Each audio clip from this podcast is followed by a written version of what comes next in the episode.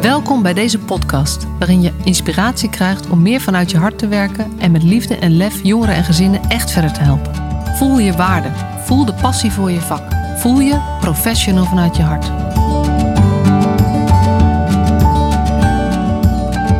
Ja, wat ontzettend leuk dat je weer luistert naar deze nieuwe aflevering van de Professional vanuit je hart podcast. En ik heb ontzettend veel zin in het gesprek van vandaag, want dat heb ik met Madeleine Teunissen. Zij is uh, manager bij Entrea Lindenhout. En um, de afgelopen anderhalf jaar ongeveer zijn wij um, samen aan het optrekken. Omdat ik um, bij Entrea Lindenhout trainingen ben gaan geven vanuit het professional, vanuit je hart gedachtegoed. En we hebben dat ook gekoppeld aan echt een werkwijze voor de praktijk. Um, nou, zullen we, dat komt vast nog ter sprake zometeen. En uh, het leuke is dat, um, uh, dat het ontzettend gaaf is om, om professionals aan het denken te zetten. Dat was ook helemaal het idee, dat mensen weer meer eigenaar werden, professionele verantwoordelijkheid, professionele autonomie.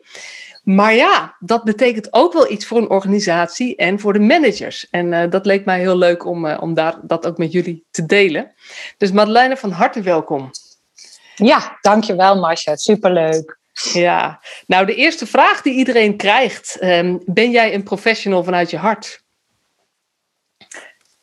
Ja, die had ik natuurlijk aan, uh, aanzien uh, aanvoelen komen. Maar um, ja, nou is dat soms best lastig om van jezelf te zeggen, uiteraard. Maar ik ben wel een, uh, denk ik, een professional vanuit je hart. Ik vind het heel belangrijk. Ik heb natuurlijk echt bewust gekozen om in de jeugdzorg aan de slag te gaan. Ben er ook al uh, ruim 25 jaar zit ik er, erin. En um, ja, dat doe ik wel met het doel als zijnde van ik wil gewoon dat we zo goed mogelijke zorg bieden voor onze jongeren en alles en iedereen die daarbij betrokken is. En dat doe ik vanuit ja, passie, maar ook vanuit mijn hart aansluiten bij de vragen die er, er liggen.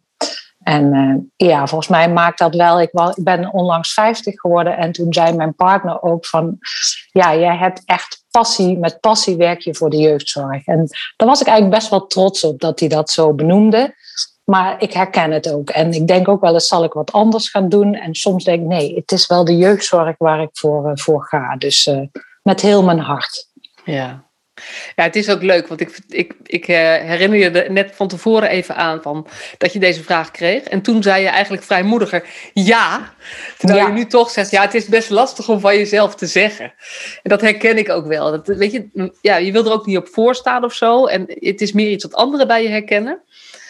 Maar ja. als je gewoon, nou ja, ja, kijk naar wat je drijfveren zijn. En, en zoals je het ook zo mooi zegt, je houdt gewoon van de jeugdzorg. En, en wil alles eraan doen om dat zo goed mogelijk te maken. Ja, dus, um... zeker. En, en, en nou ja, mooi ook misschien om te zeggen, in de rol als manager sta je natuurlijk soms ook best wel toch wat verder van echt het primaire proces en van jongeren uh, af. Maar ik ben ook wel betrokken bij de jongerenraad. En ook als er dingen spelen en, en ik echt in contact ben met jongeren, dan, dan dan voelt dat ook als zijnde, oh ja, hier krijg ik toch ook weer energie van. Om echt ook daarmee bezig te zijn en hier gaat het om. En uh, ja, dan gaat mijn energie, maar ook mijn hart altijd toch weer sneller kloppen. En uh, ja, zet ik altijd nog een extra tandje, tandje bij, zeg maar. Ja. ja. Oh, dat is ook wel echt gaaf, hè? Want dat je, uh, dat je door dat ook op te blijven zoeken, je ook merkt van, dat, dit is ook waar ik het voor doe. Daardoor blijft dat ook levendig. Ja, ja, ja, dat heb ik ook echt wel nodig, vind ik. Ook om ja, gewoon de feeling te houden, maar ook ja, toch ook het gevoel te hebben van ik draag daarin iets bij. Terwijl als ik alleen maar hoog over en strategisch en beleidsmatig bezig ben, dan voelt dat toch als te veel afstand. En als ik ideeën heb, maar die ook kan delen met jongeren en, en, en kan peilen hoe ze daarin staan, of kan horen dat ze het wel fijn vinden, of dat ze ook weliswaar klachten hebben en dingen uh, vinden die beter kunnen ja, dat is niet altijd fijn om te horen, maar dat houdt wel de feeling met het werk. Uh, houdt, houd, dat vind ik gewoon heel erg prettig. En dat heb ik ook echt, uh, echt nodig. Ja. Ja, mooi hoor. En ik weet dat eigenlijk niet, maar ben jij zelf, wat is jouw achtergrond? Ben je zelf professional geweest? Of ben je altijd manager geweest? Of kom je uit een hele nee. andere sector? Nee ik, kom, uh, nee, ik kom dus niet uit, de, uit een andere sector. Ik heb van oudsher zeg maar ooit uh, uh, HBO jeugdwelzijnswerk gedaan in Maastricht. En ik ben echt ook nou, destijds nog begonnen als uh, pedagogisch medewerker in het ziekenhuis. Dus heb daar veel gewerkt met jongeren, ook met, ja, met, met, met, met kanker en met eetstoornissen. En daarin jongeren begeleid tijdens hun, hun opname. Maar ik ben eigenlijk al vrij snel wel overgestapt naar de jeugdzorg. En ik ben ook echt ja, HBO geschoold, opgeleid. Maar ik ben ook echt wel een doener. Dus het was ook heel fijn om in die praktijk bezig te zijn. En, en, en hè, met jongeren en hun gezinnen te werken. Uh, ik heb uiteindelijk ook wel een vervolgopleiding gedaan, uh, sociale wetenschappen in Utrecht. Weliswaar met ook toch wel de ambitie van, oh ja, ik zou ook wel wat meer of wat anders willen. En op een gegeven moment begon het ook wel te knagen dat ik dacht, oh ja, hoe?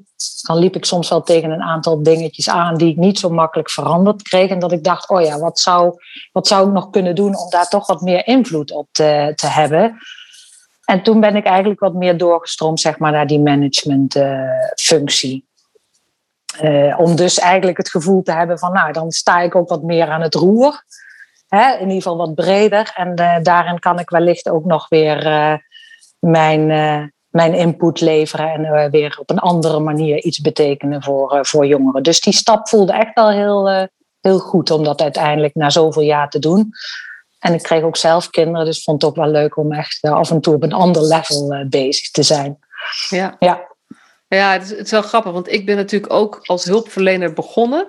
Ja. en nou ja, toen trainingen gegeven, dus een iets andere route. Maar um, dat professional, dat, dat voel ik me nog steeds. En dat herken ik bij jou eigenlijk ook. Want je hebt de managersrol, maar als ik je spreek, dan voelt het alsof ik een professional spreek. Maar ik weet niet of je dat herkent. Jawel, dat herken ik wel. En, maar dat vind ik ook het leuke aan, aan. Nou ja, dat heb ik dus, wat ik al zei, ook nodig. En dat herken ik wel. En er is ook wel, zijn ook wel eens collega's die zeggen van... Ja, maar goed, ja, jij hebt natuurlijk ook... Jij bent ook eigenlijk gedragswetenschapper van oudsher. Ja, dat ben ik helemaal niet. Um, maar ik, ik voel wel alsof ik die. Ik heb wel veel ervaring. En, en ook echt als professional in de zin van werkzaam zijn met daadwerkelijk de jongeren. Als die, uh, als die inhoudelijke professional. Dus ja, dat vind ik, dat ben ik ook wel. En dat, dat heb ik nooit uh, los willen of kunnen laten, zeg maar. En uh, ja, dat maakt ook dat ik wel, hè, wat ik zei van, oh ja, we gaan deze pod, pod, podcast opnemen. En daar krijg ik ook weer energie van als ik met jou aan de slag ga. Dat, dus dat, dat heb ik ook nodig. ja. ja. Ja, en ik vind het ook wel leuk dat. dat uh, ik, ik werd natuurlijk uh, geïnterviewd, of Ali B was aan het praten over mij uh, bij die Bit Awards. Ja. En volgens mij heeft hij. Hij moet het wel weten, maar hij gooit een beetje door de war. Want dan zegt hij steeds: ja, als jij bij gezinnen langs gaat. Maar dan voel ik oh, me nog steeds aangesproken. Want ik ben dat nog steeds, zeg maar, in mijn hoofd en in mijn hart en in alles. Ook al doe ik nu andere dingen, heb ik een andere rol binnen deze sector, zeg maar. Zo voelt het een beetje. Maar ja. het gaat gewoon om het werk wat daar gebeurt. Ja, nou, en dat vind ik ook. Dat vind ik echt belangrijk. Kijk, en ik ben natuurlijk in mijn rol als manager uh, wat, wat, hè, wat, wat meer afstand en wat hoog over bezig met, nou ja, waar willen we naartoe met onze organisatie? Wat, vind ik, wat vinden we belangrijk en hoe draag ik dat uit? Maar eigenlijk vind ik mijn belangrijkste taak, hoe faciliteer ik medewerkers in het werk wat zij moeten doen, in het belang van. Hè, met altijd het doel van, het kan misschien beter of het kan meer aansluiten bij, of we kunnen nog een kwaliteitsslag maken uh, naar jongeren toe, maar ook naar de medewerkers. Van wat heb jij nodig om dit werk ook goed vol te kunnen houden? Want dat vraagt nogal wat. En ja, ik ben manager, maar ik ben juist faciliterend daarin om jou daarin te ondersteunen. En uh, ja, ik denk dat dat, ja, dat dat ook wel een kracht is van mij die ik gewoon. Uh, uitstralen wat mensen ook wel, uh, wel prettig vinden, maar wat ik ook gewoon heel erg noodzakelijk uh, vind. Ja, en heb je dat altijd op deze manier gehad? Of is dat iets wat sterker is geworden in de loop der jaren? Uh, ja, dat is een mooie vraag. Heb ik dat altijd gehad? Ik ben nu zo'n jaar of negen, zeg maar, ongeveer als manager aan, aan de slag.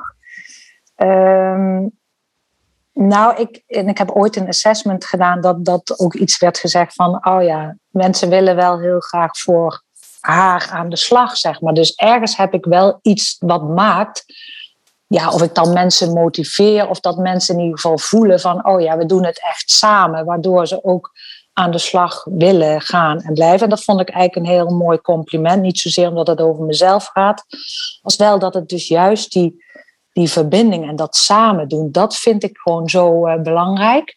En dat heb ik denk ik wel vanaf het begin af aan uh, gehad en uitgestraald. Ik vind ook niet dat ik een andere positie heb of zo. Nee, ik denk vooral we doen het samen en ik ben daar een onderdeel van. En mijn taak is nou soms net wat anders, maar eh, vooral om jou daarin te ondersteunen als, eh, als medewerker. Maar misschien ben ik wel, doordat ik wat ouder ben geworden en daar ook met wat meer afstand naar kijk of ervaar hoe medewerkers dat ervaren, dat ik dat ook wat sterker op die manier gepositioneerd uh, heb. Omdat ja, men aangeeft dat dat prettig is. Dat, dat zou wel kunnen, maar moeten wij heb je het meer over van, uh, ja. ja, dan gaat het meer over van het is van bewust onbekwaam naar bewust bekwaam gegaan. Ja, misschien wel. Ja.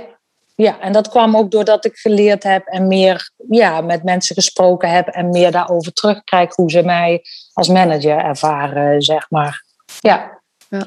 ja. Ik zie je nog even nadenken, dus ik wacht nog even. Maar... Eh. Ja, ik zal vast nog veel over willen vertellen. Het zijn mooie vragen die je weer, weer aan het denken zet en die je ook mee, uh, meeneemt weer voor, uh, voor de komende tijd. Nou, wat ik ook zo mooi vind, waar ik heel erg in geloof, is, is parallele processen. En, en ik word heel blij van hoe jij hierover. We hebben hier eigenlijk nog nooit over gehad, maar ik word heel blij van hoe jij hierover praat. Omdat mm wat we natuurlijk graag willen, van, zeg maar, dat, dat we de hele jeugdzorg geliefdevoller en gelijkwaardiger vormgeven. Maar dat betekent mhm. veel meer vanuit de verbinding met ouders en jongeren en kinderen. En ook veel meer naar, we doen het samen en ik, ik support jou om je eigen proces te gaan of zo. En dat is eigenlijk wat ik jou hoor zeggen over hoe jij graag met medewerkers um, dat samen doet. Ja. Dus ik geloof daar ook wel heel erg in dat dat een hele sterke manier is om, um, om ook medewerkers te helpen om in die, in die professionele, warme, um, betrokken, uh, gelijkwaardige rol te stappen. Ja. Ja, dat zeg je wel mooi. En ja, ik denk dat het gewoon ook essentieel is als je dat uh, wil laten slagen. Hè. Zeg maar, we hebben natuurlijk als uh, een ook uh, constant met elkaar in gesprek geweest als hoe kunnen we onszelf nou ja, verbeteren, hoe kunnen we beter aansluiten bij de vragen die jongeren hebben. Maar hoe kunnen we ook als organisatie daarin in, in meebewegen en hoe kunnen we gewoon, en ik zat bijvoorbeeld met name op het stukje wonen en opgroeien, hoe kunnen we wat meer die professional in zijn of haar kracht zetten. Maar hoe kunnen we dat ook doen samen met hè, de jongeren en met het uh, systeem? om wat meer uit die beheersmatigheid te komen, maar juist meer die jongeren en zijn of haar betrokkenen hè, daaromheen in positie te zetten. Hoe kunnen we dat doen? En ik wil niet zozeer dat dat mijn beeld of visie is. Ik wil dat, dat de ander die dat moet uitvoeren, dat ook zo voelt.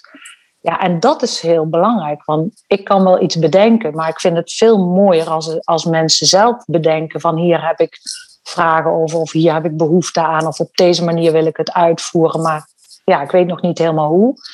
En dat is enerzijds dus je medewerkers, maar eigenlijk ook je hele organisatie. Staan we daar in de ondersteuning ook achter als er vragen komen? Hè? Dus, en die verbinding zijn we natuurlijk samen ook aan het leggen. Veel meer naar ook onze ondersteunings- en bedrijfsbureau, waarin iedereen denkt: oké, als die vraag komt, snap ik ook vanuit welke gedachte deze medewerker een vraag aan mij als HR-medewerker uh, stelt. Ja. ja. en dan denk ik, ja, dan zijn we goed met elkaar bezig en dan uh, ondersteunen we ja, elkaar uh, zoals dat hoort. Ja. Ja, want um, even als achtergrond voor degene die um, bij een andere organisatie werken. Dat zijn denk ik de meeste eh, van de, van de luisteraar. Uh, ja. Bij Entrea Lindhout heb ik, ik, heb, ik heb nu alle medewerkers van wonen en opgroeien uh, in de regio Nijmegen, breed, breed Nijmegen zeg maar, ja. getraind een aantal dagen.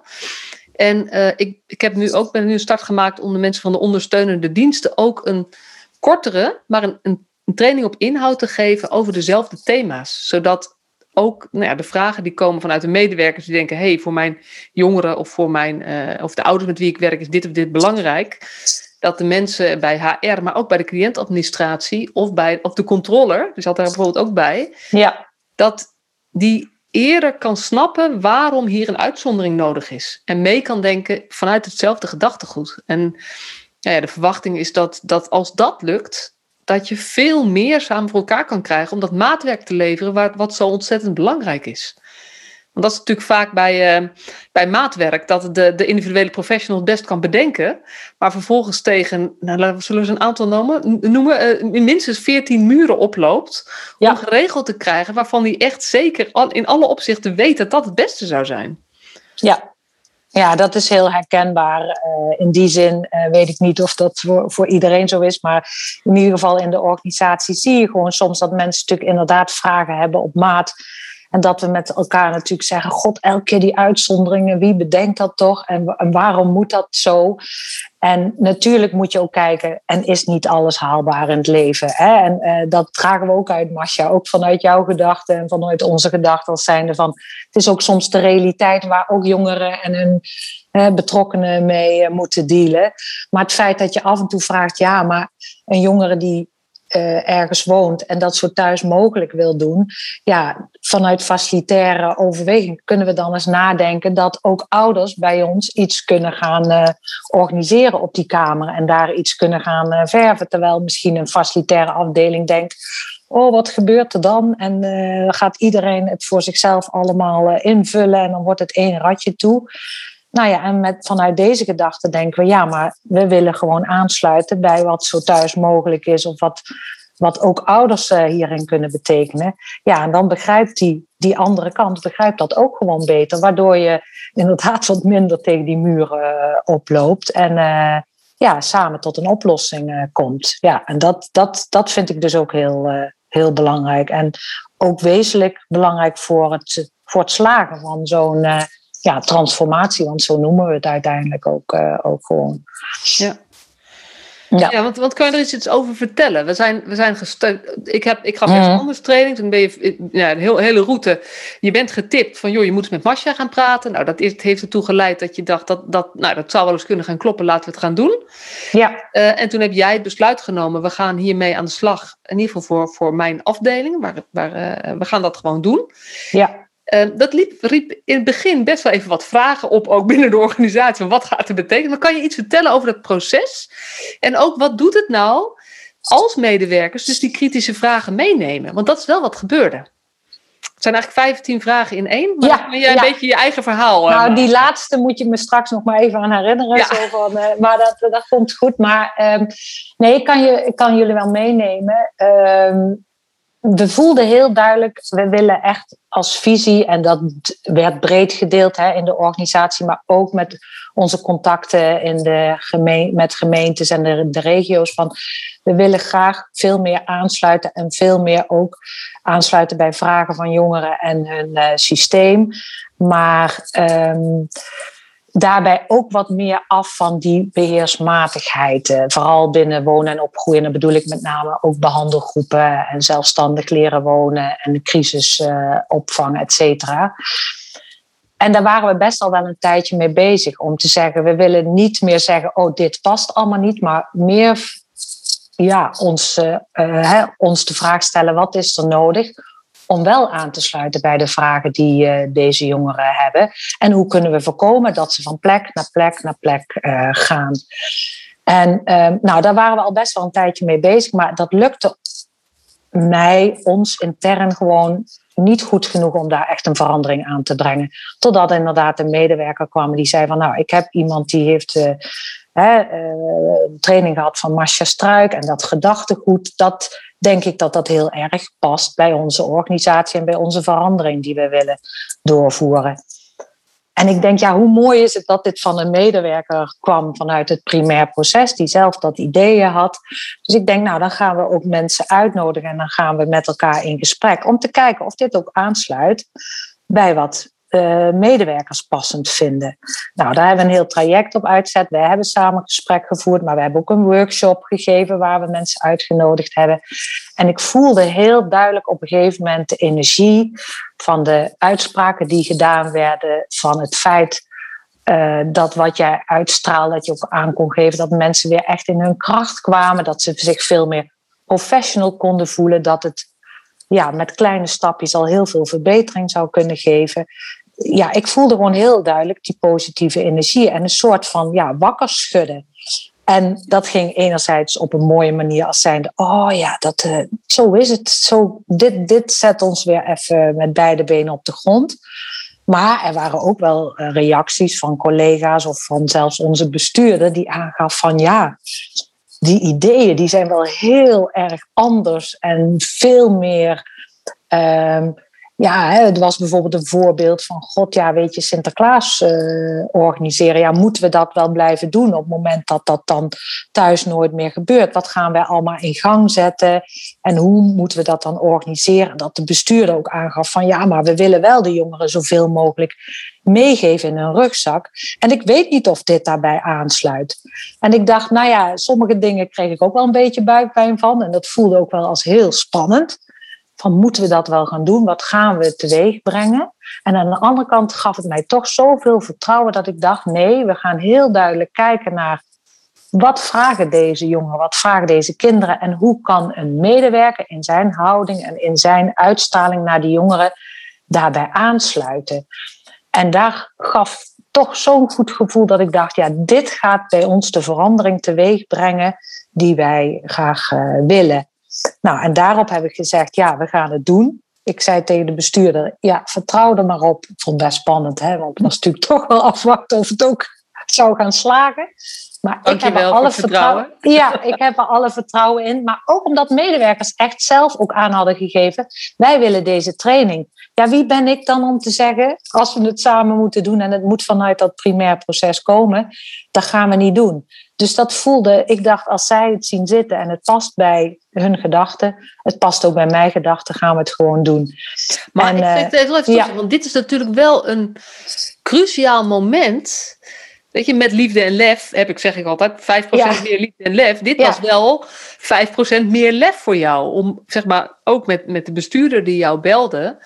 En eigenlijk vlak voordat we met de training begonnen, eigenlijk zei, nou, ik weet niet of we het wel moeten doen. Dat jij toch nou ja, ik wil niet zeggen je rug hebt gerouwd, maar eigenlijk heb vertrouwd op je eigen oordeel op dat moment. En ook gewoon gezegd heb, ja, ik denk dat we het moeten gaan doen. Ik vertrouw erin. Ik wil, dit, ik wil dit in ieder geval de eerste stappen zetten. Ja, ja nou, dat, dat klopt wel. Maar ook blijkbaar omdat ik toch het gevoel had van... Kijk, ik, wat ik, hebben ook over gehad, hè, jij zo van... Oh ja, sommige dingen krijg ik ook wel een beetje buikpijn van... als jij dat zo scherp neerzet.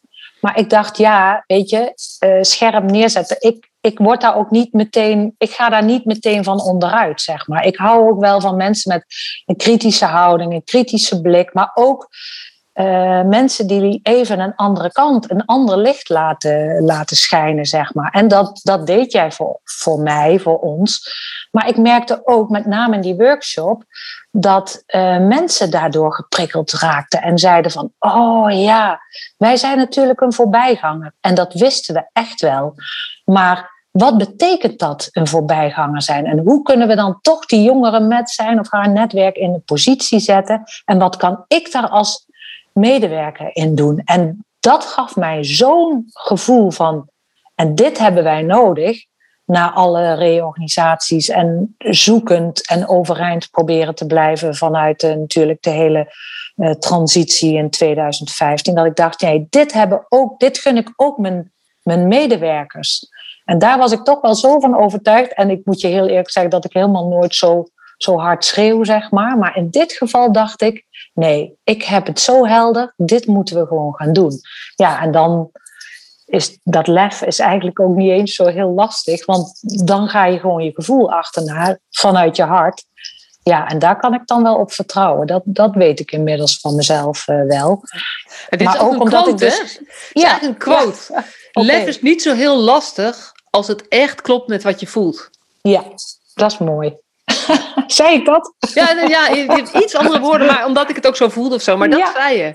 Ja, ja. En dat herken ik zelf ook heel erg. Weet je, dan, dan komt het zo van binnenuit, vanuit je drijfveren, je, je, je guts of intuïtie. Ik, ik hou van het woord intuïtie. Ja. En dan toets je wel de intuïtie even aan een aantal dingen die er gebeuren. Want soms kan je, weet je, je kan je voel kan je ook een beetje bedriegen. Maar als dat blijft, ja, dan dat herken ik wel. Dan is het, is het ook niet eens zoveel. Dan kan je niet anders bijna. Nee, Nee, dat, dus die keus die, en, en dat resoluut zijn van hé, hey, maar ik ga dit toch doen. En ik ga er gewoon mee beginnen. En we kijken dan wel. Hè, dat ben ik dan ook wel. Op een gegeven moment denk ik, we gaan het gewoon doen. Weet je, het is nooit verkeerd om eens een keer met elkaar een andere route of een andere route, een nieuwe stap te zetten. En ik, ik ben dan ook niet te beroerd als ik het gevoel heb dat het niet zou lopen of niet goed zou voelen om dan bij te stellen. Ik denk, ja, weet je, dat, dat kan altijd. En ja, ja dat, die ruimte voelde ik uh, wel. En uh, nee, dus dat was, dat was dus eigenlijk helemaal niet zo, uh, zo ingewikkeld. Nou ja, en inmiddels weten we dat dat ook heel goed ontvangen is, uh, bijna overal. Maar dat onze bestuurder inmiddels ook helemaal overtuigd is. En dat we echt in onze hele visie en mindset, ja, van, van A tot Z, zeg maar, proberen ook dat gedachtegoed uh, veel meer uit, uh, uit te dragen. Ja. Want kan jij, want um, ik, jij weet het beter dan ik, volgens mij zijn er negen groepen of plekken ja. Uh, die, die ik negen. getraind heb, zeg maar, teams. Ja. Ja. Kan jij een paar voorbeelden geven van wat je hebt zien gebeuren? Of, of het verschil wat je merkt? Want het is, we zijn uh, in oktober 2019 19. Ja, ja, 2019 begonnen. Anderhalf uh, jaar, zeg maar. En, en ja. ze hebben allemaal een driedaagse training gehad. Een beetje in ja. fasegewijs.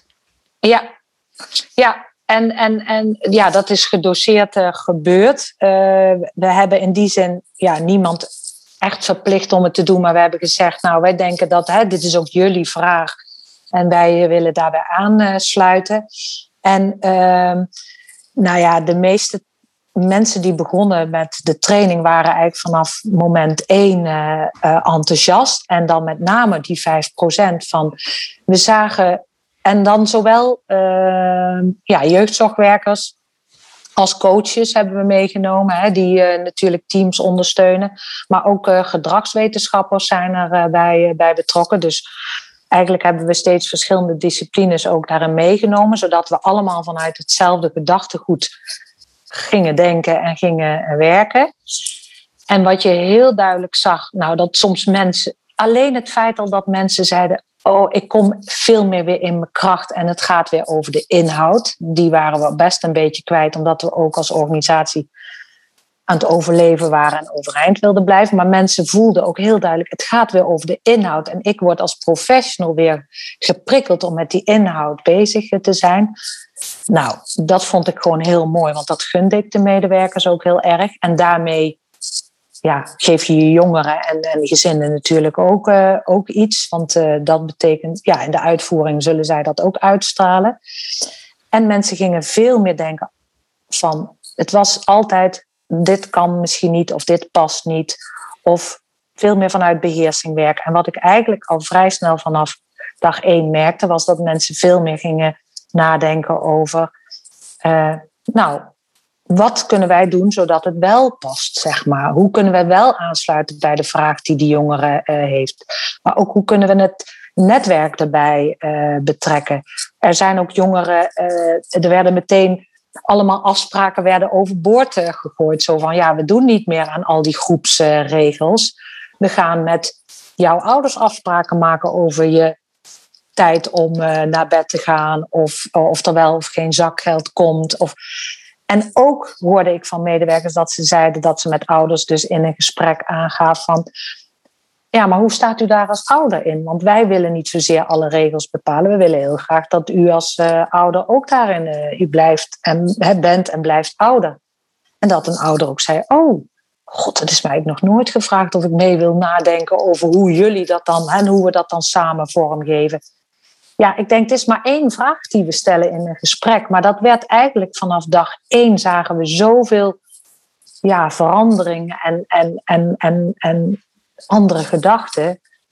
Ja dat, dat, ja, dat was gewoon het grootste compliment wat we eigenlijk konden krijgen. Eh, en wat, wat we in ieder ook gunden. Dus dat, uh, ja. ja, dat was volgens mij jouw vraag. Hè?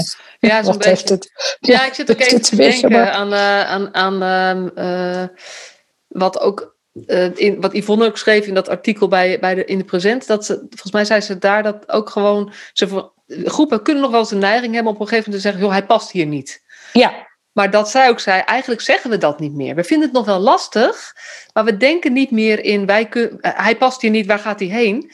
Uh, maar we blijven echt veel langer en veel meer en veel creatiever zoeken naar hoe we kunnen zorgen. Misschien past het niet, maar hoe, wat kunnen we dan bedenken dat het wel Precies. kan? Ja. En dat dat eigenlijk. Weet je, ik, denk, ik denk niet dat je 100% negatieve uitplaatsingen kan voorkomen. Nee, maar het is wel. Niet het gesprek daarover is drastisch veranderd. En het is ook in, qua aantallen, objectieve aantallen, echt verminderd. Zeker. Ja, nou ja, dat zei ik al. Hè. Het is niet met de vraag, het kan niet, maar meer wat, wat, hoe kunnen we zorgen dat het wel uh, past. Die, die zie ik heel veel terug. En dat medewerkers ook zeiden van, ik voel het ook niet meer als... Hè, wij waren ook best veel strijd en veel aan het zoeken naar dit zijn de regels en daar moet je aan houden. Terwijl nu is het zo van natuurlijk heb je een aantal basisafspraken. Die, die hebben we thuis ook allemaal. Maar het feit dat je zegt, nou dit zijn onze basisafspraken, maar we gaan met jou en je ouders of met jouw andere belangrijke, hè, gaan we in gesprek over hoe we het hier met elkaar proberen vorm te geven. Dat haalt ook heel veel weg bij die medewerkers en, en bij strijd. Want als je zegt, ja, ik ben het daar niet mee eens, nou ja, dan is het ook heel mooi om te zeggen, oké, ja, dan gaan we met elkaar weer in gesprek om te kijken van, ja, wat vinden jouw ouders of wat vinden jouw andere belangrijke daar, uh, daarvan? En het, ja, het is ons niet gelukt in de, de, jaren daarvoor om zeg maar die knop om te zetten. Om te zeggen, jongens, ik wil niet de hele tijd horen, het past niet. Maar veel meer van, wat kunnen we doen dat het wel past?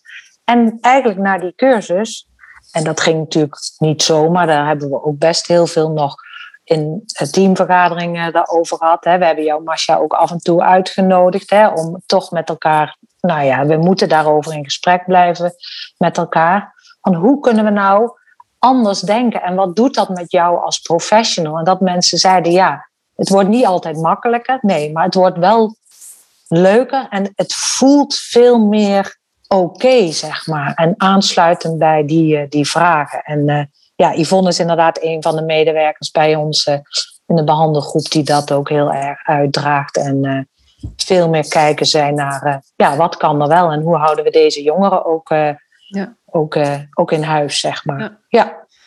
ja en, en je noemde het net al even dat die, die 5%, je zegt van dat is het belangrijkste wat zij hebben gevonden. Maar volgens mij is dat ontstaan bij de trainingen bij jullie.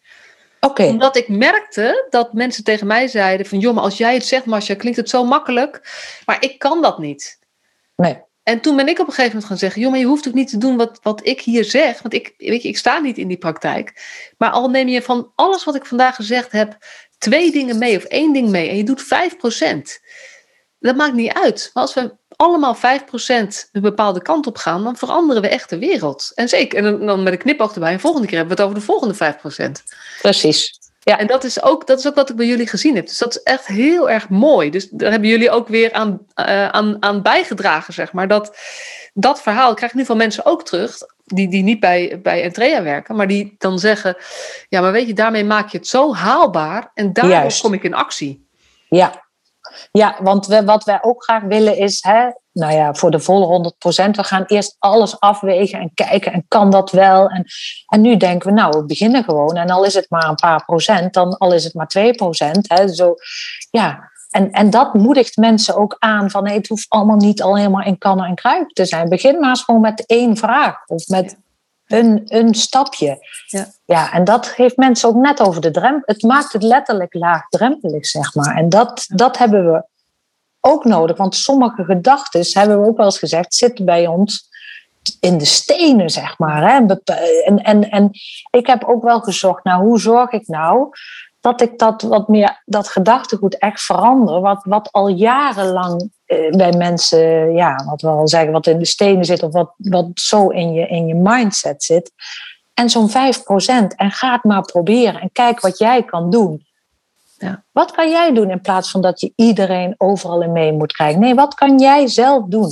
Ja. ja, dat heeft wel echt veel geholpen. En dat blijft overigens nog steeds wel een, eh, een uitdaging om mensen daartoe te bewegen en te prikkelen hoor. Dat, dat eh, is volgens mij met alles. Want dat geldt ja voor alle gedragsverandering, en dat is natuurlijk een van de dingen waar ik in de training veel aan. Want we vragen dat altijd van ouders en jongeren. En dan doen we net alsof ze dat gewoon maar moeten doen. Ja. Maar gedragsverandering is gewoon heel erg moeilijk. Dus dat is hierbij ook. Het is veel gemakkelijker om op de automatische piloot te doen wat je al tien jaar hebt gedaan. Dan iedere keer bewust na te denken over welke keuze je maakt. Terwijl de voldoening zit veel meer als je nadenkt en de keuze maakt waarvan jij echt gelooft dat dat het beste is. Ja. Dus, uh, maar ja, dan moet je continu elkaar alert bijhouden. Want dat, Juist. dat, dat kan je alleen ook niet.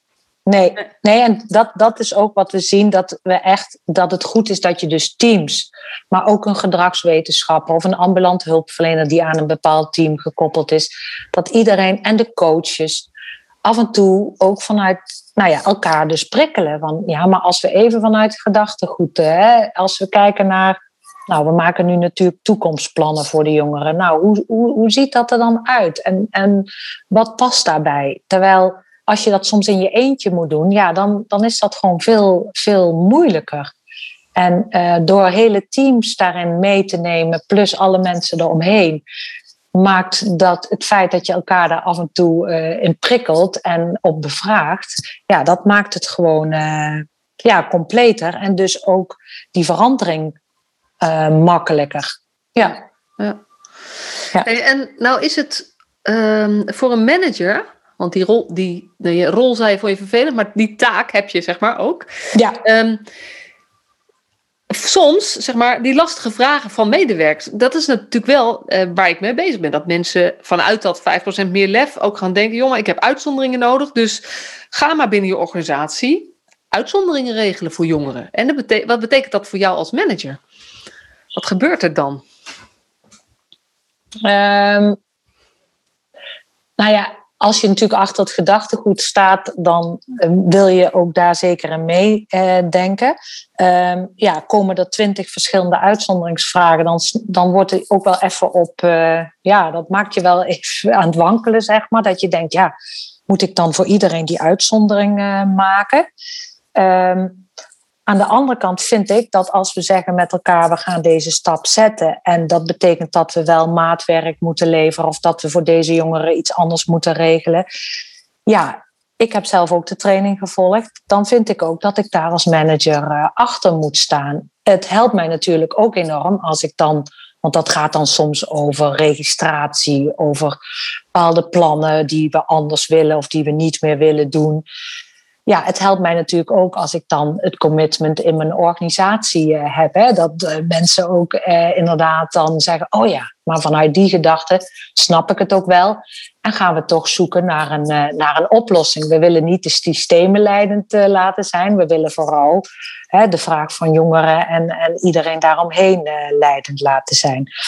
Ja, en dat is soms best wel ook ook zoeken. Hè? En dan gaat het over, nou ja, soms de inrichting van, uh, van panden, wat ik al zei, maar ook rondom, nou ja, registratie, documentatie van uh, uh, rapportage van, van jongeren. Um, dus ja, dat is wel divers. En elke keer is het een beetje zoeken naar, ja, hoe zouden we dat dan in dit geval het beste, beste kunnen doen? Um, nou, dat is stel wel nou, een, Stel nou dat jij die training ja. niet had gehad, hè? Ja. Verplaats je even in een manager die, die hier iets minder enthousiast over is, uh, of minder dit helemaal doorvoelt, zeg maar. Mm -hmm. Hoe zou die dit soort medewerkers, wat, wat, wat, wat gebeurt er dan, zeg maar? Is, is, het, zijn, is het lastig, professionals met lef? Want jij vindt het wel leuk, maar daar begon je eigenlijk ja, in je inleiding al mee. Ja, ik vind Maar het je- leuk en ik vind het ook nodig. Ja, en dat Eh, het vind ik ook heel leuk. En daarom heb ik jou ook Ja. uitgenodigd. Hè. Maar ik weet ook dat er veel managers zijn die er wat anders in staan. En heel veel wat ik terughoor van professionals die dan wel dat lef willen hebben. Die zeggen ja, maar mijn manager, die, nou ja, of die schiet alles af. Of die veroordeelt mij erom. Of deze, juist die professionals die gaan voor dat maatwerk, worden weggezet als ehm, lastig. Ja. Ja, en ik herken dat soms ook wel in onze eigen organisatie. Hè? Dat ik, eh, of dat mensen zoekend zijn, of dat mensen ook enthousiast worden over die training, of zeggen dat willen we. En dat ze misschien ook te horen krijgen, ja, maar we gaan nu eerst de andere dingen doen, of dat past nu niet, of dat gaan we niet doen. Ehm, ja, dat is natuurlijk lastig. Ehm, toch denk ik dat je dan misschien ook met elkaar moet kijken. Ehm, dus als ik meer in, in die rol ga staan, dan denk ik dat je als medewerker toch dat gesprek moet aangaan met, met die manager. Van god, dit is mijn visie. En in ons geval denk ik dat we ook die, dat gedachtegoed heel erg terug kunnen brengen naar de visie die wij als organisatie hebben eh, ingezet. Waarin we zeggen we willen zoveel mogelijk aansluiten en zo thuis mogelijk en aansluiten bij de vragen die jongeren hebben.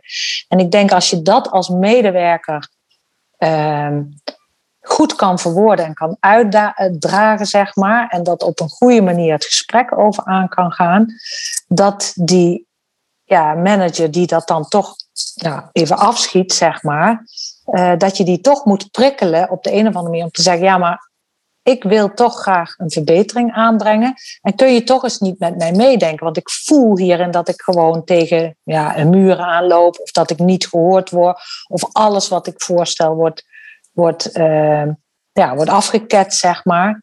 En hier helpen we onze jongeren niet mee. En ja, dat je dus eigenlijk in je organisatie ook een soort van medestanders uh, vindt, waarin je gewoon dit gesprek kan, uh, kan aangaan. En um, ja, ik moedig toch mensen altijd aan van doe dat wel.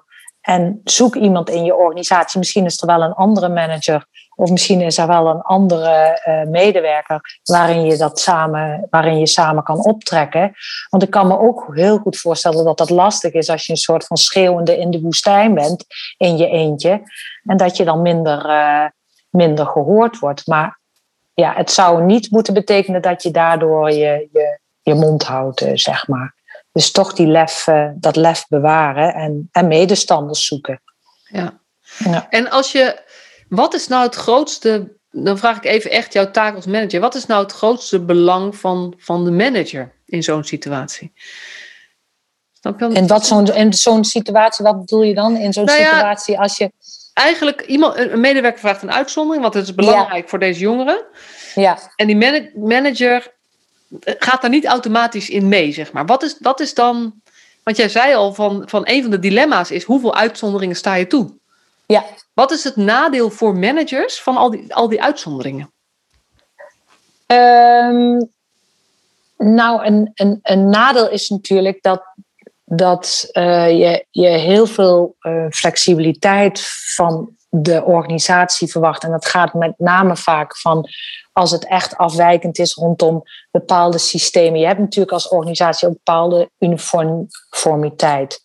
Je hebt soms uh, eisen, kwaliteitseisen waaraan moet worden voldaan, zeg maar. Hè? En als manager heb je natuurlijk ook een belang dat je voor je certificering, voor je accountants control, voor nou ja, alle bedrijfs, vaak bedrijfsmatige aspecten, dat je daarin ook uh, ja, daaraan voldoet, zeg maar. En op het moment dat er uitzonderingen gevraagd worden, hè, omdat iemand zegt, ja, maar die doelrealisatie die past helemaal niet in het uh, toekomstplan wat wij als zijnde rapportagesystemen opbouwen met de jongeren. Ja, dan denk je als manager, ja, ik snap misschien wel je vraag, maar een HKZ of een inspectie, die verwacht wel dat wij uh, aan die doelrealisatie, dus dat wij wel in kaart brengen of wij onze doelen halen. En gemeentes willen dat ook zien. Dus je zit soms ook tussen twee vuren. Enerzijds wil je heel graag meedenken in ja, wat heeft deze jongere nodig en wat wil die medewerker bewerkstelligen. Als ja, maar welke eisen worden er eigenlijk aan ons als professionele organisatie gesteld? En kan ik daar zomaar omheen? Want ik ben eigenlijk best wel ruimdenkend en denk, ja, waar gaat het hier nou over? Het gaat over het belang van de jongeren. Maar goed, ik heb ook een professionele organisatie met bepaalde kwaliteitseisen. Uh, ja, om me heen waar ik gewoon aan moet, uh, moet voldoen. Ja, en dat moet ik wel kunnen verantwoorden. Dus ik kan daar ook niet zomaar in, mee, uh, in meegaan. Ja, en dan ga je gewoon, ja, dan gaan we met elkaar polderen en overleggen en kijken wat er wel uh, mogelijk is. Maar goed, zijn dat tien vragen? Ja, dan moet je soms ook reëel zijn dat je denkt, ja, dat heb ik gewoon nu niet allemaal in één keer opgelost. Dus ik pak wel degene waar ik misschien het snelste resultaat mee heb. En die andere kosten gewoon wat meer tijd. En helaas is ook niet altijd alles mogelijk. Nee. Nee, en ik vind het, weet je, dat vind ik ook, uh, ook belangrijk. Want ja. de meeste managers zitten echt niet uh, in, hun, in hun taak of in hun rol om het medewerkers zo moeilijk mogelijk te maken. Of om nooit mee te werken aan maatwerk. Zeker maar niet. zij, um, um, ik ken wel veel managers die voelen ook zoveel druk van de kant van um, de organisatie goed laten draaien. En de, de goede, nou ja, wat jij, jij legt het nog beter uit dan ik het eigenlijk zelf wist. De, de verantwoordingsdruk die er nu eenmaal is die voelen professionals, maar die ligt nog veel meer bij managers. Ja. Uh, en, en helemaal omdat je als manager ben je verantwoordelijk voor een hele grote span of control. En voor meer dingen dan alleen de verslaglegging. Ja. En dat is Ja. wel goed om ook te realiseren als medewerker, of als professional, dat als je een vraag stelt aan je manager, dat daar kwam ik net op toen jij dat vertelde, dat, dat het, en hij zegt nee, vrij bot misschien, omdat hij druk is, omdat hij 25 dingen moet doen, of, of omdat hij, Mhm. weet je, een manager heeft soms 10 teams, eh nou, dat kan van alles spelen. Ja. Wat dan heel, wat, wat een helpende vraag kan zijn, is: hey, wat, welk element, wat maakt nu dat het voor jou lastig is om hier ja op te zeggen? Dat je er ook als medewerker beter achter komt waar het probleem zit voor die manager. Ja. Want als je het echt samen doet, is het ook niet de medewerker vraagt, de manager draait, maar dan is het eigenlijk de medewerker vraagt. Nou, als een manager stress heeft, zegt hij sneller nee. Dat kan niet Ja. anders. Ja. Maar dat de medewerker dan niet boos wordt of teleurgesteld of denkt, ja, hier kan het ook niet. Maar eigenlijk probeert erachter te komen, waar gaat die nee over? Precies, ja, helemaal mee eens. En natuurlijk kan die manager ook zich verplaatsen in die medewerker en zeggen: Ja, ik zeg nee. En dat is misschien geen fijn antwoord, maar dat doe ik om die en die reden. Hè, dat, dat, dat- Maar, dat als- is de verbindende manier. En dat vind ik super mooi. ja, Zo zou het moeten gaan. Alleen de realiteit is. Nee, de realiteit is dat ik veel mensen spreek die dat niet zo ervaren bij hun manager. Laat ik het even zo in het algemeen eh, beschrijven. En die best wel ervaren dat ze harde nee's krijgen zonder goede uitleg. En dat er, ehm, nou ja, dat er weinig ruimte is om echt ehm, eh, creatief te zijn voor wat jongeren en ouders soms wel nodig hebben. ja. En, eh, Ja, en, en dan is het misschien mooi wat je zegt van kijk dan naar van God, wat maakt dat jij nee zegt? Hè? Dus dat je zelf die vragen stelt. En ja, wat mij ook altijd wel heel erg helpt is als je dat dan, nou ja, stel dat mensen daar dan hopelijk toch wel uitleg eh, op krijgen, want dat vind ik gewoon ook dat we dat verplicht zijn aan elkaar, om elkaar ook beter te begrijpen.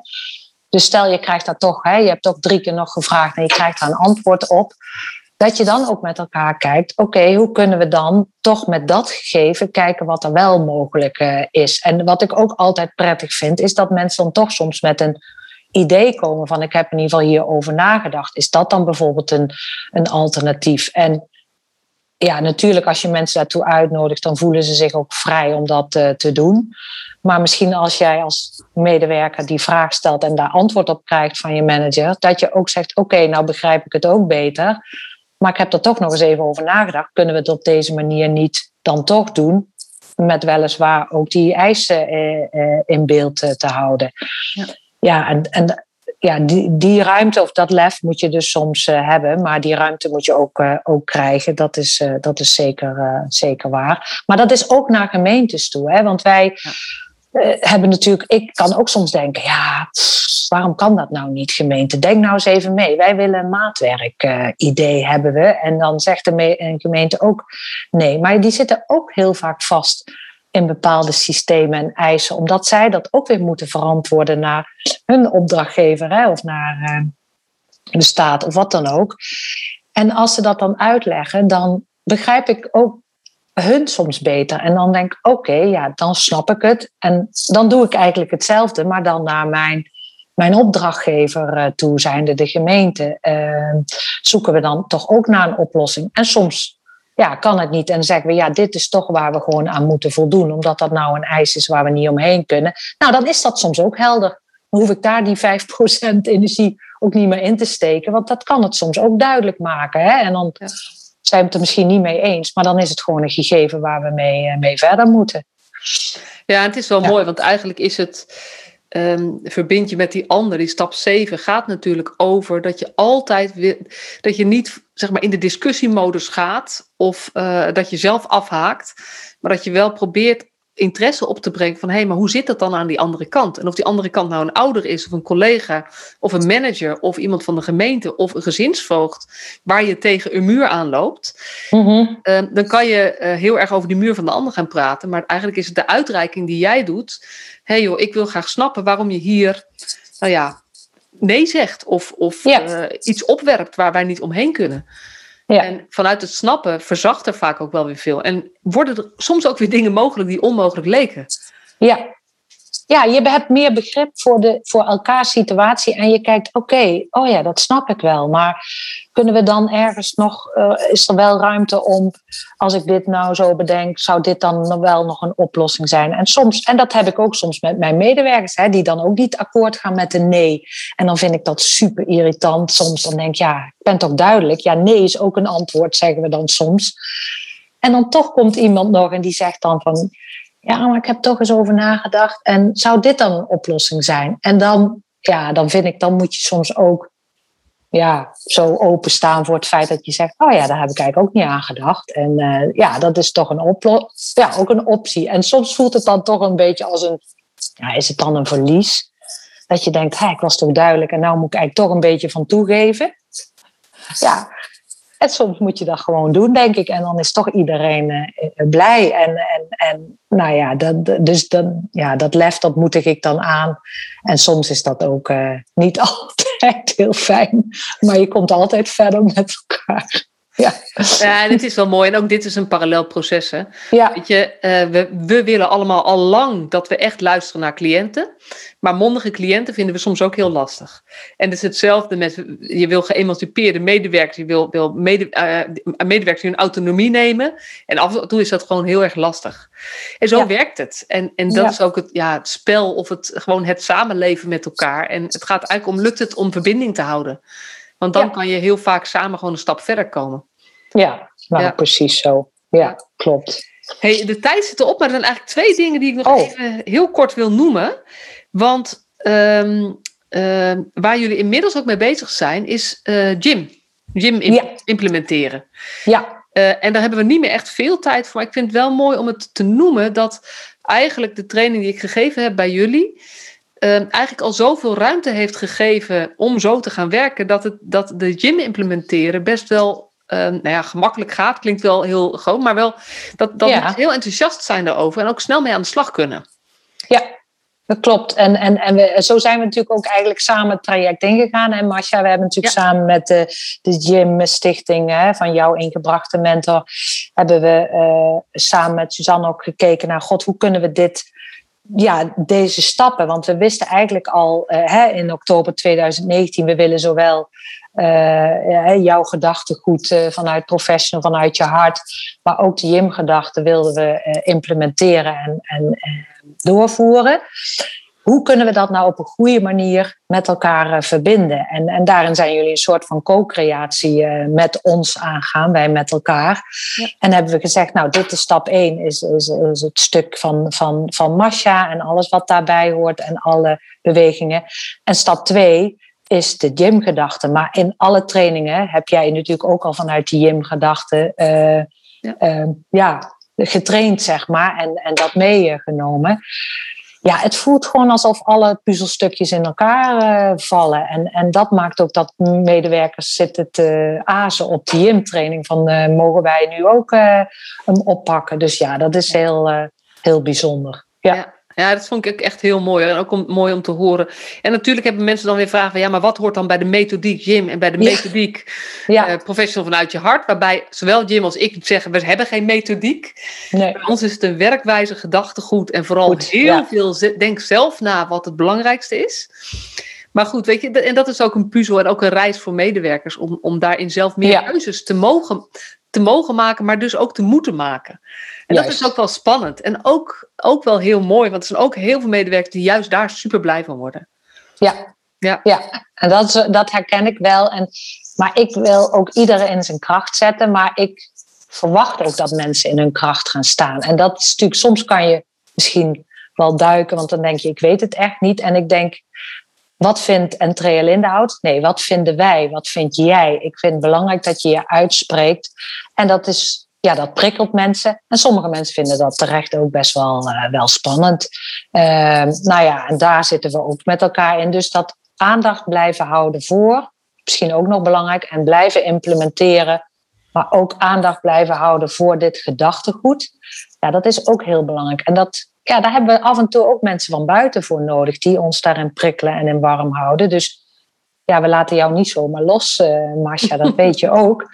Maar nee, maar dat is ook nodig. Dat merk je gewoon. Dat, uh, dat die behoefte blijft er. En dat is ook mooi als we dat als een, uh, co-creatie kunnen doen. Maar wat ik wel heel mooi vind, ehm, ik heb bij jullie het gevoel dat ik inderdaad zeg maar, gebruikt word, ingezet word om even weer ehm, iets aan te scherpen of bewustwording te doen. Maar mhm. vervolgens zijn jullie, de medewerkers, zelf ermee aan de slag. En het is niet zo dat ze aan het wachten zijn tot ik de volgende keer kom om dan weer iets nieuws te horen. Maar veel meer, hey, we, we zijn ermee bezig en we, we willen graag gevoed blijven worden om het gewoon die, die, nou ja, het een soort van de benzine of zo, om de motor te, laten draaien de hele tijd. Tegenwoordig is het elektriciteit, hè, de elektrische auto. Ja, ja, ja het is te sterk. Het tweede, tweede thema wat ik toch even aan wil, wil mhm. ehm, is, um, we hebben het hier over residenties. Ja. En er is natuurlijk heel veel te zeggen over uh, residenties. En er zijn ook veel meningen over residenties. Van die zouden allemaal, uh, dat zouden we helemaal niet meer moeten willen. Dat is niet de manier waarop wij ermee gestart zijn. Zeg maar, weet je, dat is ook niet de insteek van nu. Mhm. Ehm, maar het is wel een, een, een onderwerp wat speelt. En ehm, we hebben in de trainingen, uh, dat, dat zeiden medewerkers, medewerkers checken altijd bij mij, professionals, van joh, maar ben je dan tegen alle groepen? Dat, dan zeg ik altijd, nou weet je, ik, ik ben daar niet per se voor. Ik ben daar ook niet per se tegen. Een gegeven is dat ze er nu zijn. Mhm. Dat we nu moeten zorgen dat ze beter worden. En dat ik hoop, door op een andere manier van werken, dat het veel minder nodig is. Um, ja. Is dat iets waar jij nog bewust, bewust ook, uh, waar, waar jij een visie op hebt, waar Andrea Lindhout een visie op heeft richting de toekomst? Ja, weet je, onze visie is natuurlijk, hè, kinderen horen thuis. Dat, dat is allereerste visie. Dus je wil gewoon niet dat eigenlijk kinderen opgroeien op een plek anders dan thuis. Ehm, we zijn aan de andere kant ook reëel dat we zeggen, ja, als echt onveiligheid in het geding is, dan uh, ja, moet je toch naar een zo thuis mogelijk alternatief zoeken. En dan kiezen we toch voor natuurlijk pleegzorg of gezinshuizen. En in de allerlaatste plaats voor echte groepen. Ehm, maar die behandelgroepen die proberen we ook zo kleinschalig mogelijk uh, vorm te geven. En eigenlijk zeggen we al, kinderen onder de 12 worden niet eens meer in een behandelgroep uh, geplaatst. Nou, dat, dat lukt ons ook zover als het kan. Even af en toe een crisisuitzondering daar uh, gelaten, helaas. Ehm, nee, en we zijn echt steeds ook bezig om te kijken hoe kunnen wij toch dat zo thuis mogelijk vormgeven? Of hoe kunnen we juist zorgen dat de kinderen voorkomen uit huis plaatsen? Dus wij zijn ook echt aan die voorkant. En dat is ook heel vaak met jouw gedachtegoed, Masha, maar ook met de JIM-gedachten aan het kijken. En ook samen met onze collega's van de GGZ of vanuit de LVB-sector om te kijken. We zetten kinderen uh, we, we, ja, we halen kinderen niet uit huis. We zetten er alles in bij uh, dreigende uithuisplaatsing. Om toch zoveel mogelijk in te zetten op het voorkomen uit. Dus dat is wel een gedachtegoed wat wij nastreven. Ja, wat dan nog steeds verder ontwikkeld moet worden. En waar we bijvoorbeeld ook zeggen. En in ieder geval voorkomen dat ze naar de jeugdzorg plus eh, gaan. Dus we hebben zowel de verzwaring aan de achterkant proberen we tegen te gaan, als wel te voorkomen dat die kinderen uit huis uh, uh, geplaatst worden. Ja, dat, dat is nog niet gelukt, helaas, in die zin. Maar dat blijft wel een streven. Maar er ligt niet echt een heel concreet doel van over zoveel jaren zijn al onze groepen uh, afgebouwd. Dat zo, zo extreem ligt dat er nog, uh, nog niet. Nee, maar het is wel een, een, van de dingen die ik, die ik veel terughoor bij de, bij de teams waar bij jullie kom, is dat ze wel zeggen: hé, hey, kinderen zijn meer thuis. Ja. En sommigen gaan weer echt thuis wonen, of ze zijn gewoon meer thuis. En dat is echt wel een verandering die gekomen is. Dus um, ik denk, ik wil het wel belangrijk om, belangrijk om het even te noemen, omdat ja, weet je, je kan natuurlijk na deze podcast denken, ja, hoezo de groepen verbeteren? Er moeten helemaal geen groepen zijn. Mhm. Maar jullie proberen ook echt, die groepen zijn er nu nog. Uh, en laten we nou niet wachten totdat ze er niet meer zijn, maar vooral ook proberen wat er nu is op een andere manier vorm te geven. Zodat het ook gewoon nu voor de kinderen die daar nu zitten beter wordt.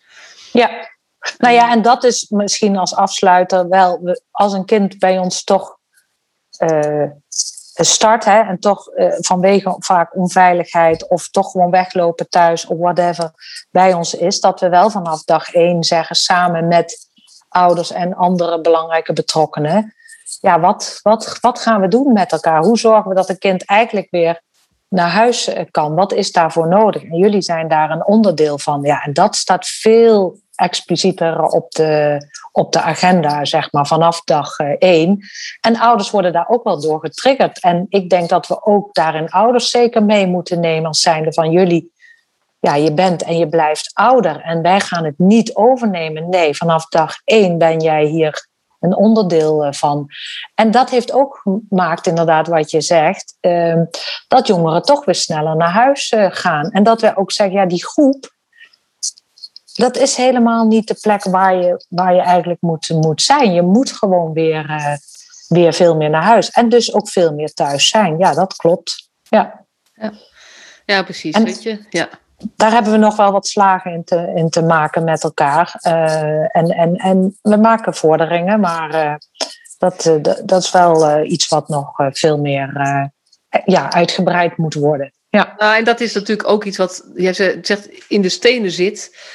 Uh, dat, dit is, dat is echt een radicaal andere manier van denken. En uh, ik geloof natuurlijk wat minder in die radicale ommezwaai met gooi al die groepen maar dicht. Uh, ik geloof er heel erg in als je hiermee begint te bouwen, mensen meeneemt en anders laat kijken, dan ga je een andere realiteit creëren. Alleen niet binnen een half jaar, maar wel duurzame verandering, waar ook de mensen die nu het werk doen, uh, gewoon onderdeel van zijn. Dus, dus ja.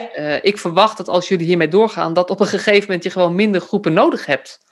Ja, nou ja, dat denk ik ook. En wat je ziet is dat wij hadden groepen ook voor jongeren onder de 12 en dat is helemaal afgebouwd. En daar zitten dan nou toch gezinshuisouders die natuurlijk ook voor die kinderen zorgen, maar veel meer vanuit een zo thuis mogelijk uh, gedachtegang of heel kleinschalig wonen met een klein aantal mensen. Ja, dat is echt wel al, al veranderd. En heel spannend, maar ook zover we kunnen zeggen, lukt dat ook uh, heel vaak wel. En dat is echt wel een mooie beweging die er anders uitziet dan twee, uh, twee of drie jaar geleden. Zeker.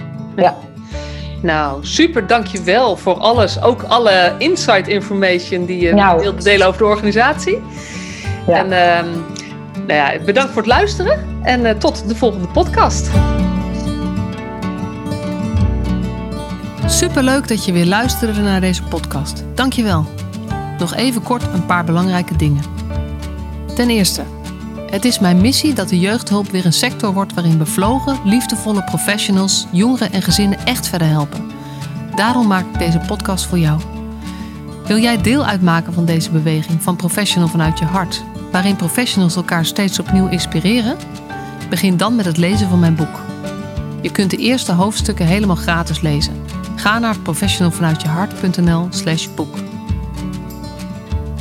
Ten tweede, wil je alle podcastafleveringen overzichtelijk onder elkaar? Abonneer je dan op deze podcast. Klik in je podcast-app op de button subscribe of abonneren. En elke keer als er een nieuwe podcastaflevering gepubliceerd wordt, ontvang je automatisch een berichtje. Ten derde, ondersteun je mijn missie? Geef me dan een review via je podcast-app, bijvoorbeeld iTunes of Spotify. Op die manier kan ik nog meer professionals bereiken. En ken je een collega voor wie deze podcast ook interessant is? Dan zou het super zijn als je hem of haar de podcastaflevering doorstuurt. Bijvoorbeeld door de link te kopiëren via Spotify. Ik vind het altijd heel leuk om berichtjes te ontvangen van luisteraars om te horen wat je van een podcast vindt, of als je misschien vragen of suggesties hebt. Of als een aflevering je een bepaald inzicht heeft gegeven of er iets in beweging is gekomen. Stuur me dan even een berichtje op masha.professionalvanuitjehart.nl via de website of stuur me een connectieverzoek op LinkedIn.